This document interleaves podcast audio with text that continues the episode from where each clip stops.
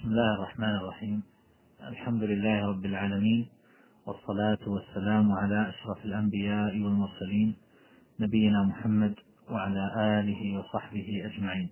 أما بعد فقد تحدثنا أيها الإخوان في أول الكلام على الورع عن جملة أمور أولها عن معناه وحقيقته والثاني عن الفرق بينه وبين الزهد. وأما الثالث فهو جواب على سؤال هل الورع أمر سلبي أو إيجابي؟ والرابع في بيان منزلة الورع. والخامس الورع في الكتاب والسنة. وأما السادس ففي ذكر الأمور التي عليها مدار الورع. وأما السابع ففيما لا يدخله الورع. والثامن في مراتب الورع. والتاسع في مراتب الناس فيه والعاشر في فقه الورع. وأما الحادي عشر ففي الورع الفاسد. والثاني عشر كيف نربي أنفسنا على الورع. واليوم نتحدث بإذن الله عز وجل عن خمس نقاط وهي الثالث عشر إلى السابع عشر. فالثالث عشر في علامة أهل الورع ويمكن أن أختصر القول في ذلك فأقول إن صاحب الورع يمكن أن يعرف بأمر واحد وهو قدرته على ترك ما فيه مجرد الشبهة أو على فعل ما يمكن أن يكون لازما لمثله. يقول الخطابي رحمه الله كل ما شككت فيه فالورع اجتنابه. والورعون يكثر حذرهم من الحرام وتضعف جرأتهم على الإقدام إلى ما قد يجر إليه. وفي هذا يقول النبي صلى الله عليه وسلم الحلال بين والحرام بين. إلى أن قال كما في بعض الروايات فمن ترك ما شبه عليه من الإثم كان لما استبان أترك. ومن اجترأ على ما يشك فيه من الإثم أوشك أن يواقع ما استبان وهو في صحيح الإمام البخاري رحمه الله. وأما الرابع عشر ففي بيان ثمرات الورع وآثاره السلوكية التي تحصل للعبد. وأول ذلك أن القليل معه كثير لأن صاحبه نقي الثوب. لا تثقله الأوزار ولا تدنسه المشتبهات. فهو طيب خفيف الحمل من الذنوب فهو يترك ما اشتبه عليه فضلا عما تحقق تحريمه. وبهذا يكون العمل بالنسبة لمثل هذا وإن قل يكون عمله الصالح كثيرا. لأن العبرة بالموازنة. فمن غلبت حسناته سيئاته فقد نجا. ومن غلبت سيئاته حسناته فقد هلك. ولهذا قيل ويل لمن غلبت آحاده عشراته. أي أن الحسنة بعشر أمثالها والسيئة بسيئة. فمن غلبت آحاده وهي السيئات عشراته فلا شك أنه مفلس. وأنه خاسر. وهذا يدل على أن الحسنات عنده قليلة. أما إذا كان الرجل لا توجد عنده هذه الذنوب والسيئات والاجتراء على الحرام بل إنه يتجنب الأمور المشتبهة ولا يفرط في أمر الله عز وجل فيمتثل أمره. وإذا شك في أمر هل هو مستحب أو واجب فإنه يفعل ذلك ويأتي به إدراء لذمته. وقد قال يوسف بن أسباط رحمه الله يجزئ قليل الورع عن كثير العمل ويجزئ قليل التواضع عن كثير الاجتهاد. وقد جاء عن الحسن البصري رحمه الله نحو ذلك حيث قال مثقال ذرة من الورع خير من ألف مثقال من الصوم والصلاة. وجاء رجل إلى العمري العابد فقال له عظني. فأخذ حصاة من الأرض فقال زينة هذه من الورع. يدخل قلبك خير لك من صلاة أهل الأرض. قال زدني. قال كما تحب أن يكون الله لك غدا فكن له اليوم. جاء عن محمد بن واسع رحمه الله قوله يكفي من الدعاء مع الورع اليسير منه. ويقول صالح المري المتورع في الفتن كعبادة النبيين في الرخاء. فهذه الآثار جميعا تدل على أن الورع سبيل إلى تكثير الأعمال وتثقيل موازين الحسنات لأن كفة السيئات تكون تكون متلاشية أو خاوية. ومن ثمراته أيضا وهو الثاني أن ذلك يكون أيسر في حساب العبد. إذا تخصص العبد من الأمور المشتبهة والأمور المحرمة فإن ذلك يكون أيسر في حسابه. لأنه إنما يكثر الحساب ويطول بسبب كثرة ما يقارف العبد من الأمور التي لا ينبغي له أن يقع فيها أو أن يقارفها. وقد قال مجاهد رحمه الله من لم يستكثر من الحلال خفت مؤونته وأراح نفسه وقل كبره.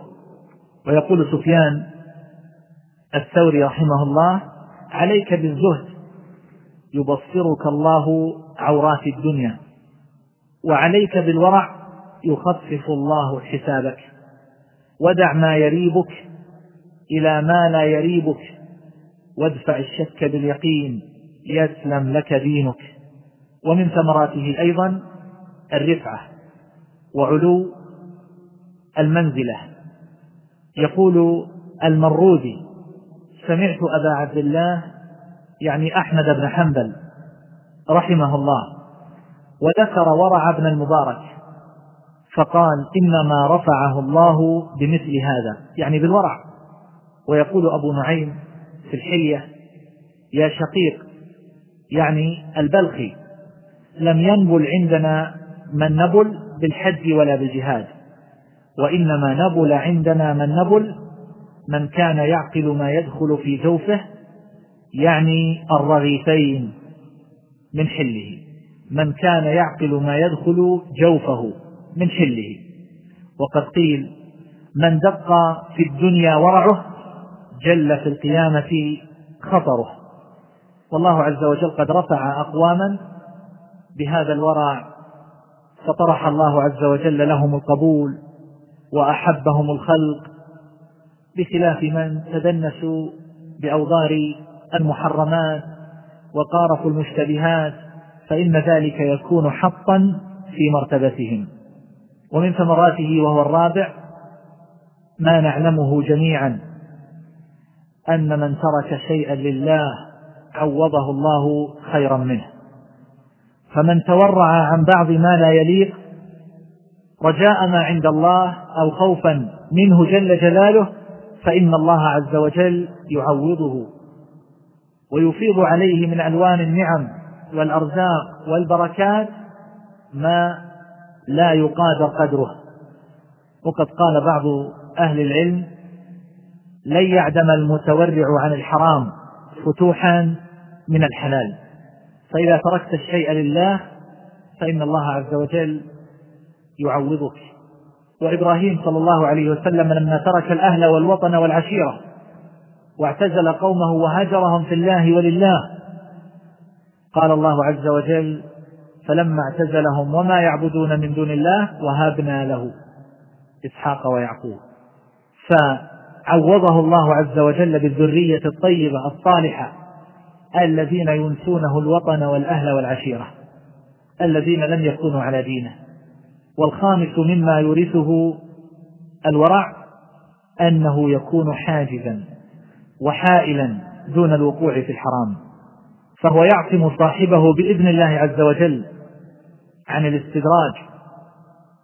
لذلك نجد أن من تعاطى ما نهي عنه فإنه يكون مظلم القلب لفقدان نور الورع فيقع في الحرام ولو لم يقع في الحرام ولو لم يقصد الوقوع فيه ابتداء.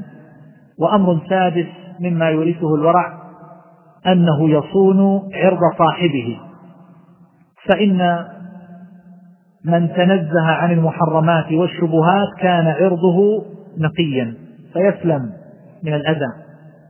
ولا يكون لقائل فيه مقال ولا يكون في موضع ريبة ولا تهمة فيكون سالما بإذن الله عز وجل مستبرئا لدينه وعرضه كما قال النبي صلى الله عليه وسلم فمن اتقى الشبهات فقد استبرأ لدينه وعرضه. أما الدين فالسلامة وأما العرض فإنه يحفظ بسبب هذا الورع من تهمة الناس ومن مقالة السوء ومن الوقيعة فيه. وأما السابع من ثمراته فذلك أنه يبلغ بصاحبه المراتب العليا في سلم العبودية. يكون في أعلى مراتب العابدين. كما قال النضر ابن محمد نسك الرجل على قدر ورعه. العبادة على قدر الورع. ويقول إبراهيم بن أدهم ما أدرك من أدرك إلا من كان يعقل ما يدخل جوفه. ويقول الفضيل من عرف ما يدخل جوفه كتب عند الله صديقا. فانظر عند من تفطر يا مسكين. ويقول يحيى ابن أبي كثير يقول الناس فلان ناسك يعني العابد فلان ناسك إنما الناسك الورع ودخل معاوية ابن قرة على الحسن البصري رحمه الله وهو متكئ على سريره. فقال يا أبا سعيد أي الأعمال أحب إلى الله؟ قال الصلاة في جوف الليل والناس نيام. فقال له فأي الصوم أفضل؟ قال في يوم صائف. قال فأي الرقاب أفضل؟ قال أنفسها عند أهلها وأغلاها ثمنا. قال فما تقول في الورع؟ وهو الشاهد. قال ذاك رأس الأمر كله. ويقول آخر لا يبلغ العبد حقيقة الإيمان حتى يكون فيه أربع خصال. أداء الفرائض بالسنة وأكل الحلال بالورع واجتناب النهي من الظاهر والباطن والصبر على ذلك إلى الموت. والأمر الثامن الثامن مما يورثه الورع أن صاحبه يوفق. للأعمال الصالحة. لأنه كما قيل من أكل الحرام عصت جوارحه شاء أم أبى. فإن أكل الحرام يؤثر في سلوك العبد فيحصل له تمرد على العبودية وخروج عن طوره واستشراف لما لا يليق وما لا ينبغي له أن يواقعه ومن تورع عن الحرام فإن ذلك يكون ضبطا لجوارحه وأعماله. يقول بعضهم من أكل الحرام عصت جوارحه شاء أم أبى؟ علم أو لم يعلم؟ ومن كانت طعمته حلالا أطاعته جوارحه. ووفقت للخيرات. وأمر تاسع مما يورثه الورع أيها الإخوة والأخوات أن صاحبه يحصل الأجور العظيمة. عند الله عز وجل.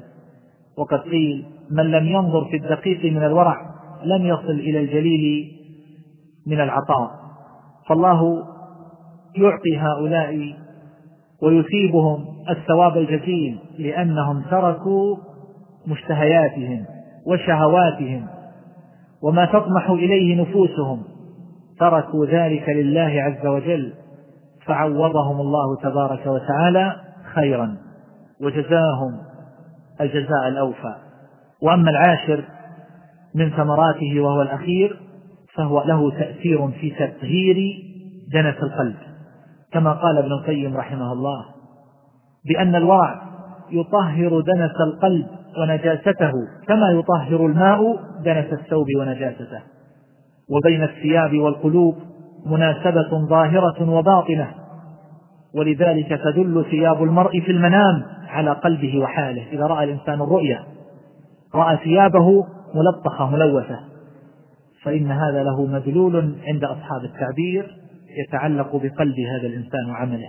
يقول ابن القيم رحمه الله ولذلك تدل ثياب المرء في المنام على قلبه وحاله ويؤثر كل منهما في الآخر. ولهذا نهي عن لباس الحرير والذهب وجلود السباع لما تؤثر في القلب من الهيئة المنافية أمر خفي يعرفه أهل البصائر من نظافتها ودنسها ورائحتها وبهجتها وكثفتها حتى إن ثوب البر لا يعرف من ثوب الفاجر وليس عليهما يعني لم تره على صاحبه. تعرف أن هذا ثوب بر وأن هذا ثوب فاجر من الفجار وهو معلق.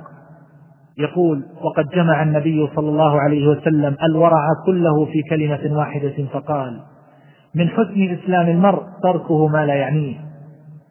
فهذا يعم الترك لما لا يعني من الكلام والنظر والاستماع والبطش والمشي والفكر وسائر الحركات الظاهرة والباطنة. فهذه الكلمة كافية شافية في الورع. ونقل عن إبراهيم بن أدهم قوله الورع ترك كل شبهة وترك ما لا يعنيك وهو ترك الفضلات.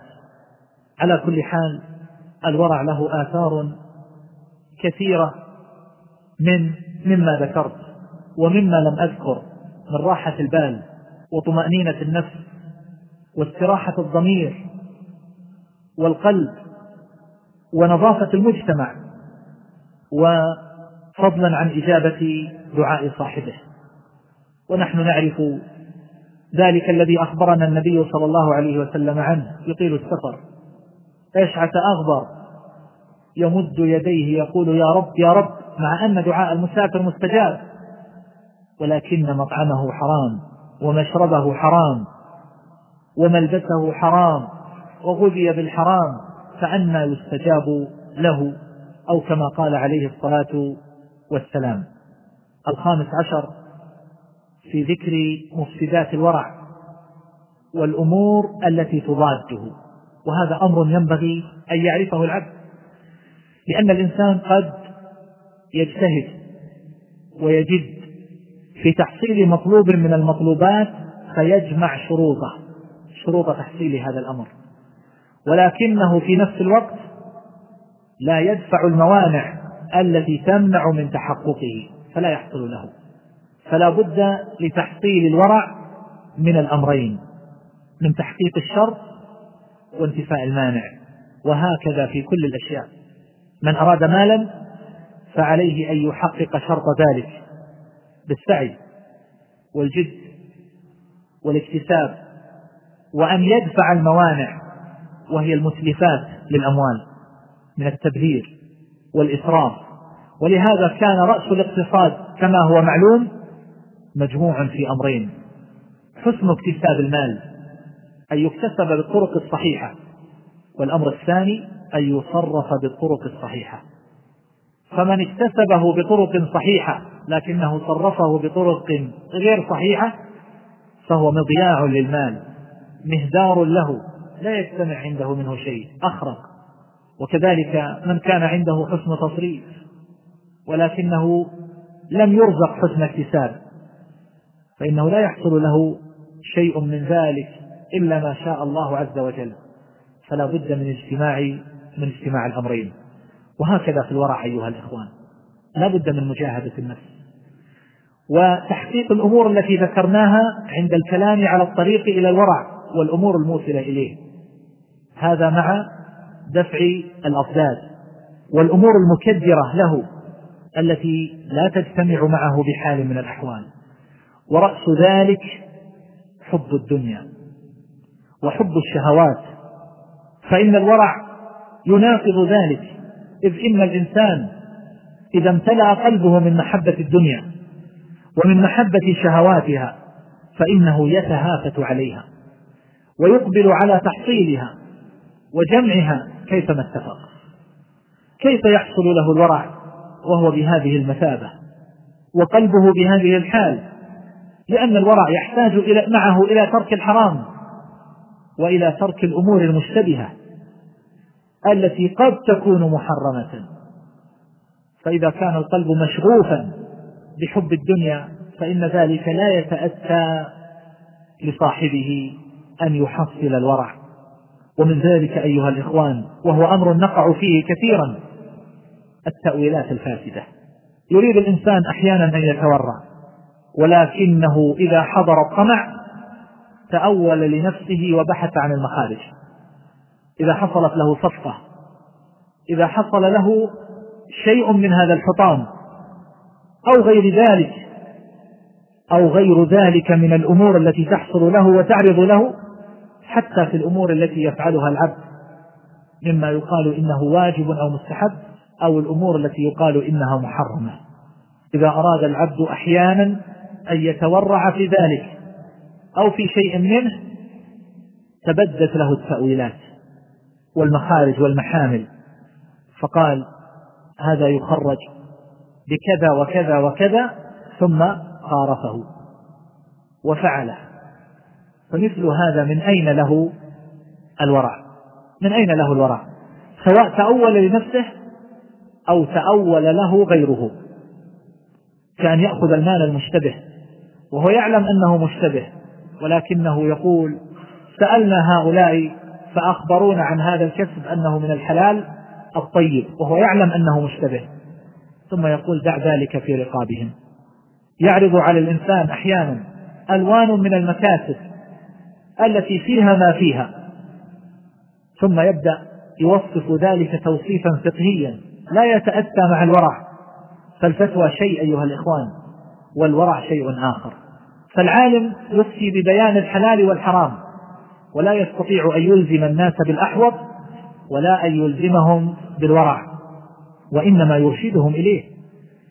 فإذا جاء إنسان وسأل عن لون من المكاسب وصله عن طريق غيره مثلا. فإن التوصيف الفقهي قد يقال فيه في بعض الحالات إن المال إما أن يكون محرما لوصفه أو أن يكون محرما لكسبه أو أن يكون محرما لذاته. فما حرم لذاته فكالخنزير والخمر فإنه يحرم بكل حال من الأحوال سواء اكتسبته بالشراء أو اكتسبته عن طريق الهبة أو الميراث فإن ذلك لا يحله. هذا التوصيف الفقهي الآن. والقسم الثاني وهو ما حرم لوصفه كالربا فإنه يحرم. ولكنه يحرم على من أخذه. يحرم على من أخذه. وأما من وصل إليه بطريق من الطرق الصحيحة كالهبة والإرث والبيع والشراء وما إلى ذلك فإنه يحل له. هذا التوصيف الفقهي للمسألة. فلو جاءنا إنسان وقال هل آكل مع إنسان أمواله مشتبهة؟ نقول أمواله مختلطة نقول يحل لك ذلك من الناحية الفقهية. لأن الكسب الخبيث إنما يتحمل وزره من اكتسبه. وأنت لست محاسبا عنه. ولكن مقام الورع أرفع من ذلك وهو أن تتنزه عن الأكل عن الأكل معه. فأقول قد يتأول الإنسان في كثير من الأمور فيجد لنفسه ألف مخرج. وهل هذا هو المقصود؟ من كان يطلب الورع فإنه لا يبحث عن المخارج وإنما يبحث عن طريق السلامة. فالسلامة في المباعدة. ومن ذلك أيضا مما يفسد الورع الجرأة والإقدام على فعل المعاصي وترك الواجبات. فإن ذلك يدمر الورع. فأي ورع يبقى عند هذا الإنسان الذي يجترئ على ترك الواجب وفعل المحرم؟ هل يمكن لهذا أن يترك الشبهة؟ أو أن يفعل أمورا تحتمل الوجوب وعدمه وهو يترك الواجب الواضح الصريح المحرم الواضح الصريح. وأمر الرابع مما يضاد ذلك الغفلة. الغفلة. يكون الإنسان في غفلة. لا يتفطن لهذه الأمور ولا يتأمل فيها ولا يدقق وإنما يلهو في دنياه وفي تجارته وفي معائشه فلا يتلبس ويحقق في طرق المفاسد. هذه الموضوعات فإنها تحيي أمورا في نفوس الناس. وقد يظن بعضهم أن ذلك فيه شيء من المبالغة لغلبة الغفلة عليهم وليس فيها شيء من ذلك. فأقول إذا سمع العبد مثل هذه الأمور فإنه يفيق ويبدأ ينظر في تصرفاته وأعماله ولو ترك مع نفسه من غير تذكير فإن الغفلة قد تغلب عليه ويجمع ما شاء الله أن يجمع. ثم إذا مات جاء أولاده إذا كانوا من المتورعين يسألون عن مكاسبه كيف يتخلصون مما لا يحل له أخذه منها. الآن تسألون أو يسأل هو بعد أن أخذ هذا بعشرات السنين. أخذ مالا لا يحل.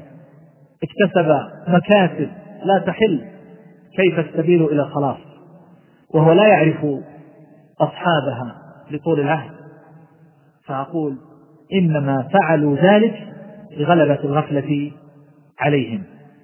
كما قال ابن القيم رحمه الله والزنا يجمع خلال الشر كلها من قلة الدين وذهاب الورع وفساد المروءة وقلة الغيرة فلا تجد زانيا معه ورع ولا وفاء بعهد ولا صدق في حديث ولا محافظة على صديق ولا غيرة تامة على أهله فالغدر والكذب والخيانة وقلة الحياء وعدم المراقبة وعدم الأنفة للحرم وذهاب الغيرة من القلب من شعبه وموجباته يعني الزنا. فالمعاصي لا سيما ما عظم قبحه منها. تسبب وتؤثر ذهاب الورع وتلاشيه من القلب. وهذا هو السر أيها الإخوان في أن كثيرا من الناس إذا حدثته عن هذا الباب رأى أن ما تتحدث به إنما هو نوع من أنواع الغفلة. ولا يحب أن يسمع منك إطلاقا ويرى أن المهارة وأن الحفظ إنما هو في جمع المال من أي طريق كان يحتال ويكذب ويغش ويظن أن ذلك من المهارة. وإذا وجد إنسانا ليس له بصر وخبرة بهذا النوع من البيوع والسلع رأى أن تلك من الفرص التي لا تستعار. فرشه وخدعه وأوقعه في شراكه لماذا؟ لأنه مجترئ على الله غافل عما هو بصدده. يقول عمر بن الخطاب رضي الله تعالى عنه للأحنف بن قيس يا أحنف من كثر ضحكه قلت هيبته ومن نزح استخف به ومن أكثر من شيء عرف به ومن كثر كلامه كثر سقطه ومن كثر سقطه قل حياؤه ومن قل حياؤه قل ورعه ومن قل ورعه مات مات قلبه من قل حياؤه قل ورعه. الحياء لا يأتي إلا بخير.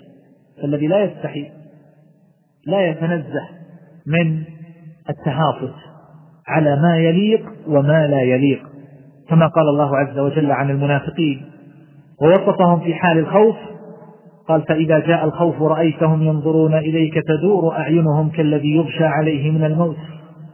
فإذا ذهب الخوف سلقوكم بألسنة حداد أشحة على الخير أولئك لم يؤمنوا فأحبط الله قلوب فأحبط الله أعمالهم. وكان ذلك على الله يسيرا. هؤلاء من أحط الناس. ليس لهم هم إلا الدنيا. يتلونون في كل يوم على مذهب ودين. هم مع من غلب من أجل حقن دمائهم وإحراز أموالهم. فمثل هؤلاء إذا جاء الخوف كانوا في غاية الهلع والجبن. إذا جاء الجيش جاء الكفار رأيتهم ينظرون إليك تدور أعينهم كالذي يغشى عليه من الموت. يحرك عينه يمنة ويسرى ببطء شديد لأنه لا يستطيع أن يحرك رأسه مخافة أن يؤتى من الناحية الأخرى. فإذا ذهب الخوف سلقوكم يعني بسطوا إليكم ألسنة بسطوا إليكم تلك الألسنة الحداد.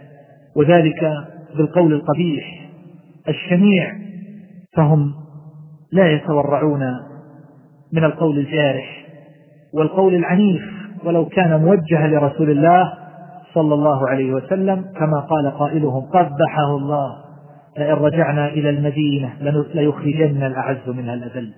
ويقول لا تنفقوا على من عند رسول الله حتى ينفضوا. حاصروهم محاصرة اقتصادية. حتى يتفرقوا عن بلدكم عن مدينة رسول الله صلى الله عليه وسلم. هكذا تكون حال المنافق. ليس له حياء فهو دنيء لا يستحي من التهافت والمهاثرة على حطام الدنيا وعلى أقل القليل منها. عبد الله بن أبي بن سلول رئيس المنافقين كان يجلد جاريتين عنده. قد أسلمتا يجبرهما على الزنا من أجل أن يكسب من ورائهما. ولهذا قال الله عز وجل لا تكرهوا فتياتكم على البغاء وهو الزنا بأجرة. إن أردنا تحصنا فكان يفعل ذلك مثل هذا المنافق. السادس عشر في أبواب أبواب الورع. الورع أيها الإخوة والأخوات لا يقتصر على جانب معين كالورع في الكسب المالي. ولا يقتصر أيضا على الأمور الفعلية كما لا يقتصر على قضايا الترك والتخلي بل يشمل أمورا كثيرة يجمعها قول النبي صلى الله عليه وسلم كما قال ابن القيم رحمه الله من حسن إسلام المرء تركه ما لا يعنيه. فيترك ما لا يعنيه من الأمور المالية والأمور المتعلقة باللسان والأمور المتعلقة بغيره من الجوارح ويفعل أيضا ما هو بصدده ويشتغل بما يعنيه مما أمره الله عز وجل به من الواجبات والمستحبات ويفعل ما يخشى أنه واجب عليه. ولهذا نقول أيها الإخوان إن الورع يكون في ناحيتيه في باب الترك وفي باب وفي باب الفعل. ويدخل تحت ذلك أبواب كثيرة جدا. أذكر عشرة منها. وهي الورع في المنطق في باب اللسان والكلام. والثاني في المأكل والمشرب. والثالث في المكاسب والرابع في المخالطة والمجالسة.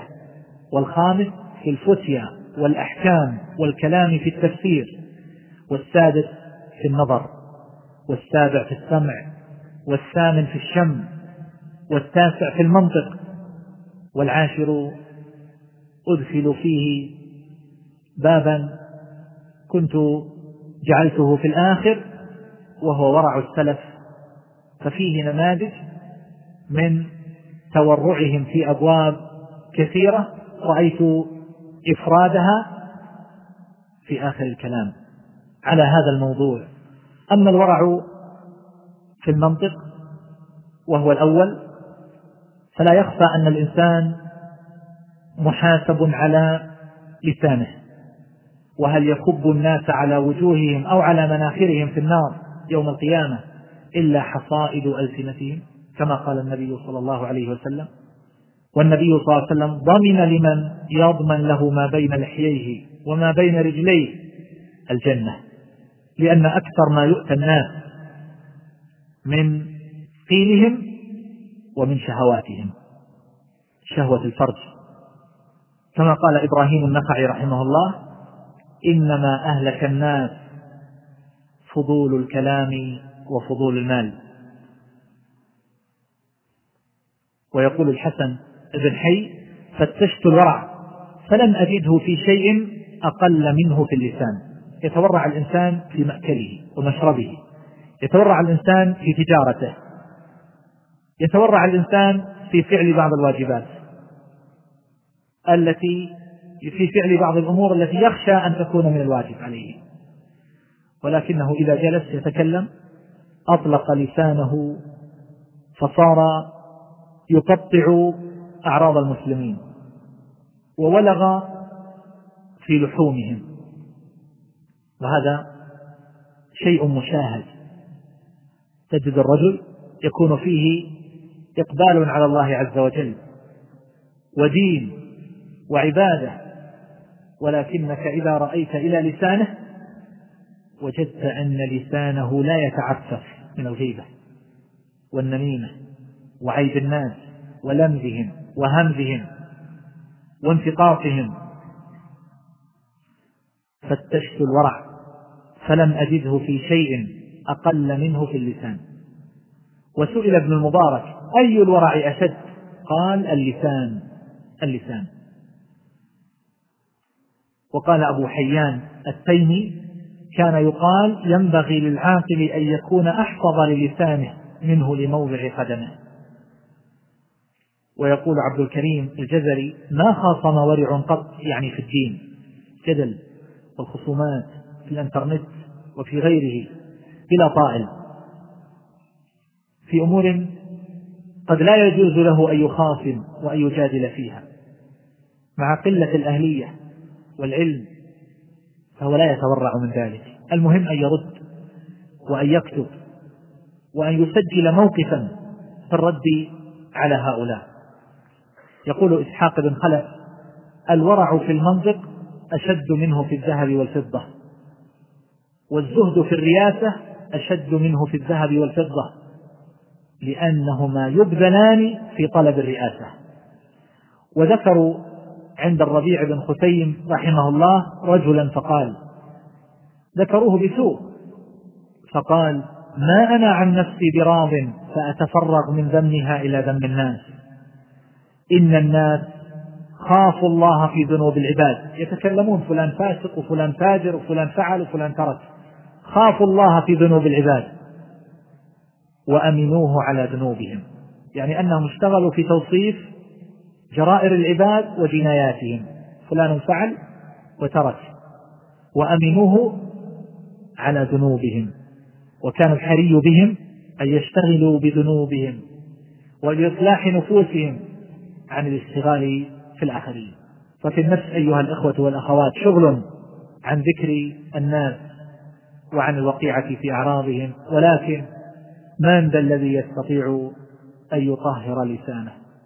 طهر لسانك. تفلح وتنجو. فإن أكثر ما نؤتى أيها الإخوان من هذا اللسان. وكثيرا ما نتأول. يتوب الرجل من الغيبة والنميمة. ثم بعد ذلك يقع فيها على رأسه ولربما كان ذلك بالتأويلات الفاسدة. يقول هذه المرة هذا يجب أن يذكر ليحذر. يجب أن ينبه عليه فلان لا حرمة له فلان أقول فيه ذلك ديانة. ويذكر في هذا المقام يقول أنا مستحضر أمر الغيبة ولكني أقول فيه ذلك تقربا إلى الله عز وجل. فأقول أنت في غنى عن هذه التأويلات. ومن فتح لنفسه هذا الباب باب التأويل فإن ورعه يتلاشى كما ذكرت. يقول إبراهيم بن بشار سئل إبراهيم بن أدهم بما يتم الورع؟ قال بتسوية كل الخلق من قلبك لا تشتغل بهم. واشتغالك عن عيوبهم بذنبك وعليك باللفظ الجميل من قلب ذليل لرب جليل. فكر في ذنبك وتب إلى ربك. يسكت الورع في قلبك.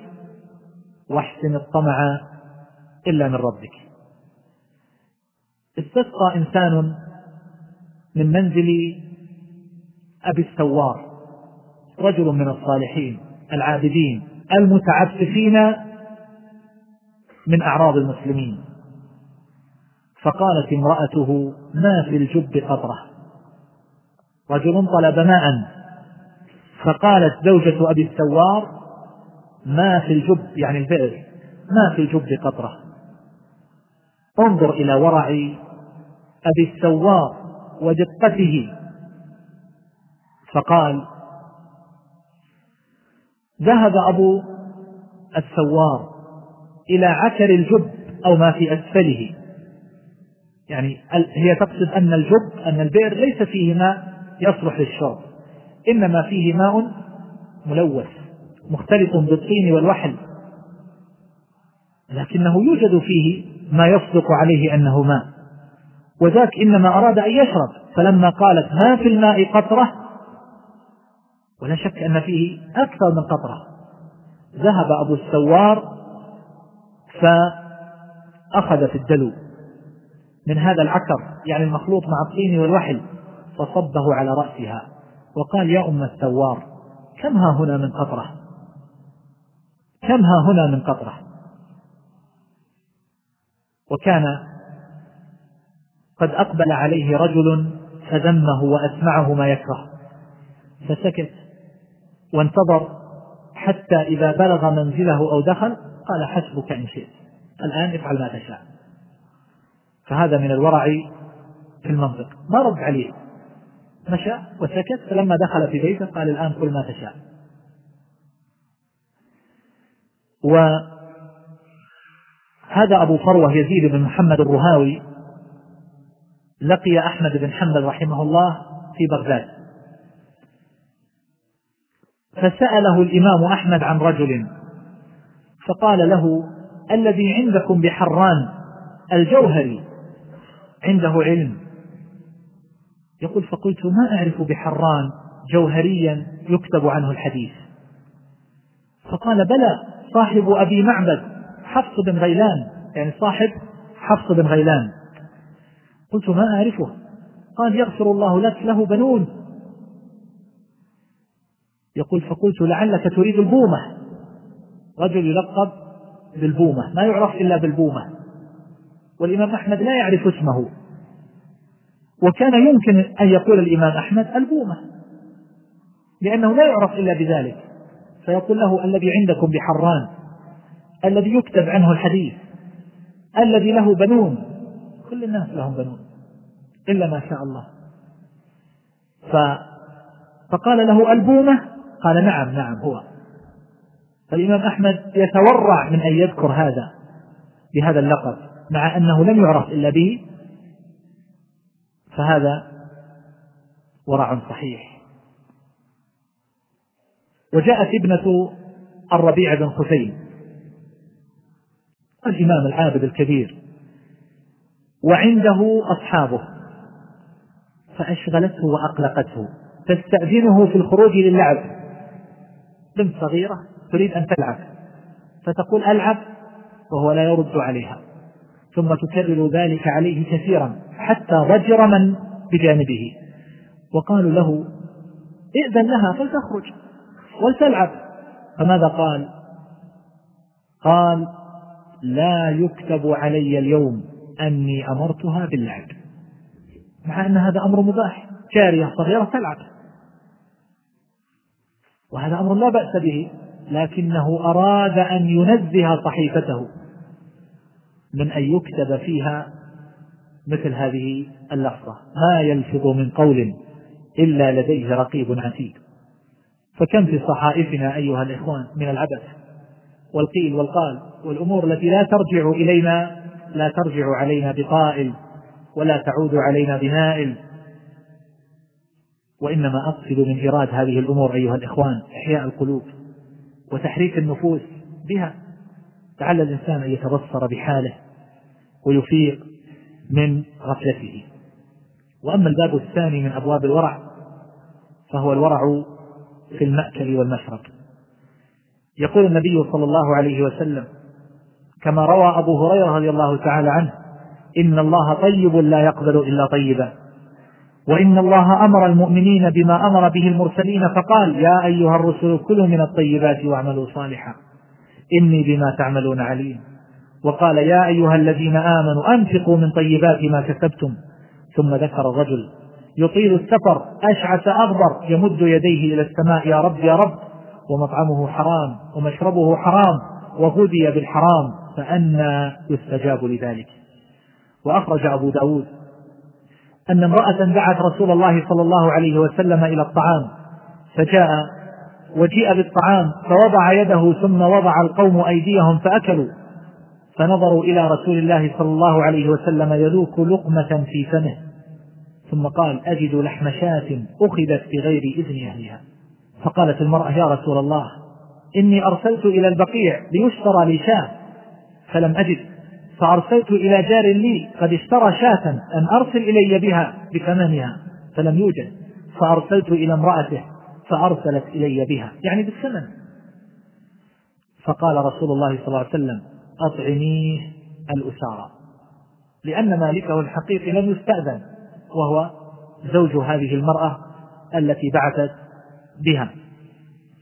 وجاء في حديث أنس بن مالك رضي الله عنه مرفوعا إلى النبي صلى الله عليه وسلم أنه عليه الصلاة والسلام مر بتمرة في الطريق فقال لولا أني أخاف أن تكون من الصدقة لأكلتها. متفق عليه. وجاء من حديث أبي هريرة مرفوعا إلى النبي صلى الله عليه وسلم إني لأنقلب إلى أهلي فأجد التمرة ساقطة على فراشي فأرفعها لآكلها ثم أخشى أن تكون من الصدقة فألقيها. متفق عليه. وأخذ الحسن رضي الله تعالى عنه وهو صغير تمرة من الصدقة. فقال له النبي صلى الله عليه وسلم كخ كخ. أي ألقها. وهذه كلمة تقال للصغير من أجل أن يلقي ما في فمه. وقد علق ابن القيم رحمه الله في إغاثة اللسان على التمرة على ترك النبي صلى الله عليه وسلم لتلك التمرة. فقال وأما التمرة التي ترك رسول الله صلى الله عليه وسلم أكلها. وقال أخشى أن تكون من الصدقة. فذلك من باب اتقاء الشبهات. وترك ما اشتبه فيه الحلال بالحرام فإن التمرة كانت قد وجدها في بيته وكان يؤتى بتمر الصدقة يقسمه على من تحل له الصدقة. ويدخل بيته تمر يقتات منه أهله فكان في بيته النوعان. فلما وجد تلك التمرة لم يدري عليه الصلاة والسلام من أي النوعين هي. فأمسك عن أكلها. فهذا الحديث أصل في الورع واتقاء الشبهات. انتهى كلامه رحمه الله. مع أن هذه المسألة يمكن أن توصف من الناحية الفقهية أن يقال إن الأصل هو الحل وأن الأصل في هذه التمرة التي وجدت في بيت النبي صلى الله عليه وسلم أنها من مما يملك عليه الصلاة والسلام. فله أن يأكلها ولكنه تورع صلى الله عليه وسلم. ولذلك قلت لكم إن التوصيف الفقهي للمسألة يختلف عن حكم الورع. فليس الشأن أن تفتى في مسألة من المسائل أنها حلال وإنما الشأن أن تتقي ما اشتبه عليك كان لأبي بكر الصديق رضي الله عنه غلام يجلب له خراجا. وكان أبو بكر رضي الله عنه يأكل من كسب هذا الغلام ومن خراجه. يعني أنه رقيق لأبي بكر. فجاء يوما بشيء فأكل منه أبو بكر فقال له الغلام أتدري ما هذا؟ قال أبو بكر وما هو؟ قال كنت تكهنت يوما لإنسان في الجاهلية وما أحسن الكهانة إلا أني خدعته فلقيني فأعطاني لذلك فهذا الذي أكلت هذا الذي أكلت منه. فأدخل أبو بكر يده فقاء كل شيء في بطنه أخرجه البخاري. يقول يعقوب بن المغيرة إني لأتفقه في مطعمي من ستين سنة من ستين سنة. ولما قدم شعيب بن حرب على يوسف بن أسباط رأى عنده شابا يكلم يوسف ويغتاظ له يكلمه بشيء من الجرأة ويرفع صوته. فقال شعيب ترفع صوتك؟ فقال له يوسف بن أسباط يا أبا صالح إنه محمد بن إدريس. كان إنه يدري من أين يأكل. قال أبو عبد الله كان ابن إدريس رجلا من الثغر يعني من المرابطين في الثغور. يقول شعيب بعد ذلك قلت بأبي أنت وأمي وإني نذرت إذا رأيتك أن أحدثك. لماذا؟ أحتمل منه. رفع الصوت على هذا العالم. ولماذا نذر هذا الآخر أن يحدثه إذا لقيه لأنه كان يتورع في مأكله ومشربه. كان يدري ما يدخل جوفه. يقول المعافى بن عمران كان عشرة في من مضى من أهل العلم ينظرون في الحلال النظر الشديد. لا يدخلون بطونهم إلا ما يعرفون من الحلال وإلا استفسوا التراب. ثم عد الحافي وإبراهيم بن أدهم وسليمان الخواص وعلي بن الفضيل بن عياض وأبا معاوية الأسود ويوسف بن أسباط ووهيب بن الورد وحذيفة وشيخا من حران وداود الطائي وقد قيل لبشر الحافي من أين تأكل؟ فقال من حيث تأكلون. ولكن ليس من يأكل وهو يبكي كمن يأكل وهو يضحك. وقال يد أقصر من يد. ولقمة أصغر من لقمة. وهكذا كانوا يتحرزون من الشبهات أيها الإخوان. وكان يقول ينبغي للرجل أن ينظر خبزه من أين هو ومسكنه الذي سكنه. أصله من إيش؟ ثم يتكلم. وهذه امرأة من الصالحات العابدات. أتاها نعي زوجها وهي تعجن العجين. فرفعت يدها من العجين وقالت هذا طعام قد صار لنا فيه شريك. يعني أن هذا العجين صار من أمر الميراث وصار لهم مشاركون. فرفعت يدها من هذا العجين وكفت عن عجنه وخبزه. فهذا باب دقيق من الورع. يقول المرودي سمعت أبا عبد الله يعني أحمد بن حنبل يقول أكره الشرب من هذه الآبار التي في الطرقات.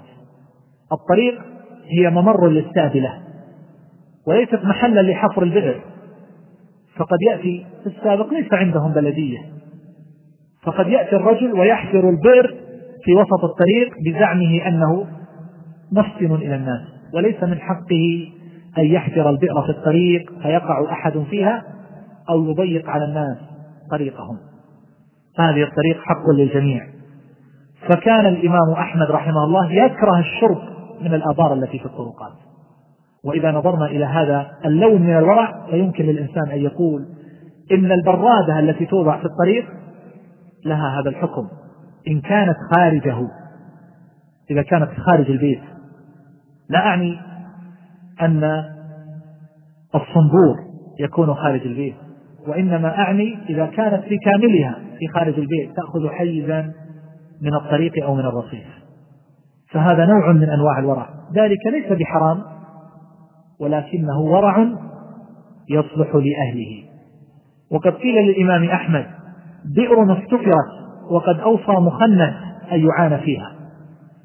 ترى الشرب منها والمقصود بهذا المغني.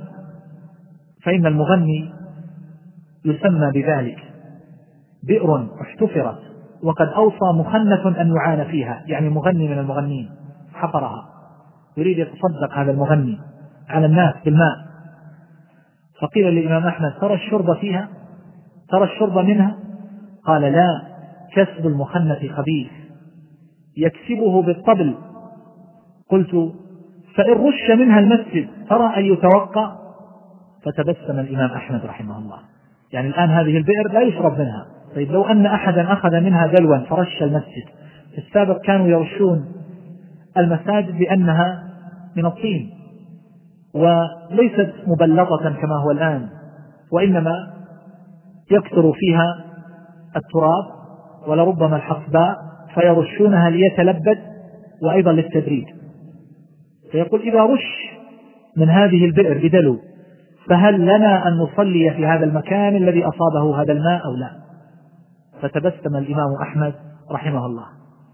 وهذا نور الدين زنكي رحمه الله القائد الفاتح المعروف. يقول ابن الأثير طالعت السير فلم أر فيها بعد الخلفاء الراشدين وعمر بن عبد العزيز أحسن من سيرته ولا أكثر تحريا للعدل منه وكان لا يأكل ولا يلبس ولا يتصرف إلا من ملك له قد اشتراه من سهمه من الغنيمة. لاحظ وهو ملك وسلطان وطلبت منه زوجته مرة فأعطاها ثلاثة دكاكين. فكأنها تقالت ذلك. فقال ليس لي إلا هذا هذا ما أملك. وجميع ما بيدي أنا فيه خازن للمسلمين. وأبى أن يعطيها شيئا. خرج علقمة ومسروق وعمرو بن عتبة في الغزو. فبلغوا مكانا يقال له ماتندان وكان الأمير آنذاك على هذه الناحية عتبة ابن فرقد. فقال ابنه عمرو بن عتبة إنكم إن نزلتم عليه صنع لكم نزلا يعني ما يعطى للضيف ما يصنع للضيف من الطعام. ولعله يظلم فيه أحدا. يعني لعله يأخذ من بعض الناس من أجل أن يقريكم أو لعله يمنع بعض المستحقات من أجل أن يصرف في ضيافتكم لعله يظلم فيه أحدا. هذا ابنه يقول ذلك. يقول ولكن إن شئتم قلنا في ظل هذه الشجرة فأكلنا كسرنا من الخبز ثم رجعنا. يقول ففعلنا. ما نزلوا عليه؟ خافوا أن يطعمهم شيئا يكون فيه مظلمة لأحد من الناس. وبعث أمير البصرة إلى عامر بن عبد القيس. قال له ما لك لا تأكل الجبن؟ قال إنا بأرض فيها مجوس فما شهد مسلمان أن ليس فيها ميتة أكلته. وأما عبيدة السلماني فلما كان بأرض قد كثر القول فيها في الأشربة من النبيذ الذي كان يشربه أهل الكوفة.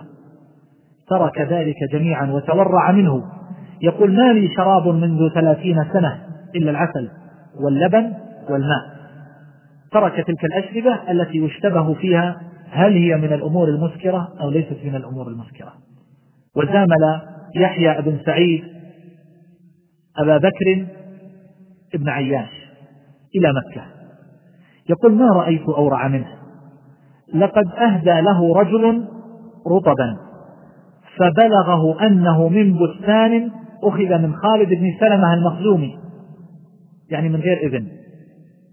فأتى آل خالد فاستحلهم وتصدق بثمنه. ما قال؟ أتبع على الذي اكتسبه أولا. وقد قدم لنا على سبيل الهدية. ويقول حسين الجعفي ربما عطش حمزة فلا يستسقي كراهية أن يصادف من قرأ عليه. حمزة القارئ الإمام المعروف. يعطش أثناء الإقراء فلا يطلب من أحد أن يأتيه بالماء لأنه يريد أن يكون الإقراء لله ولا يأخذ على ذلك عوضا ولو خدمة يسيرة وهو أن يأتي له إنسان أن يأمر إنسانا أن يأتيه بشربة ماء. إلى هذا الحد. ولما احتضر ابن المبارك في السفر قال أشتهي سويقا. فلم يجدوه إلا عند رجل كان يعمل لبعض الظلمة. فقالوا له إنه عند فلان. فقال دعوه. فمات ولم يشربه. ما قال عليه إثمه؟ وقد وصل إلي بطريق مباح.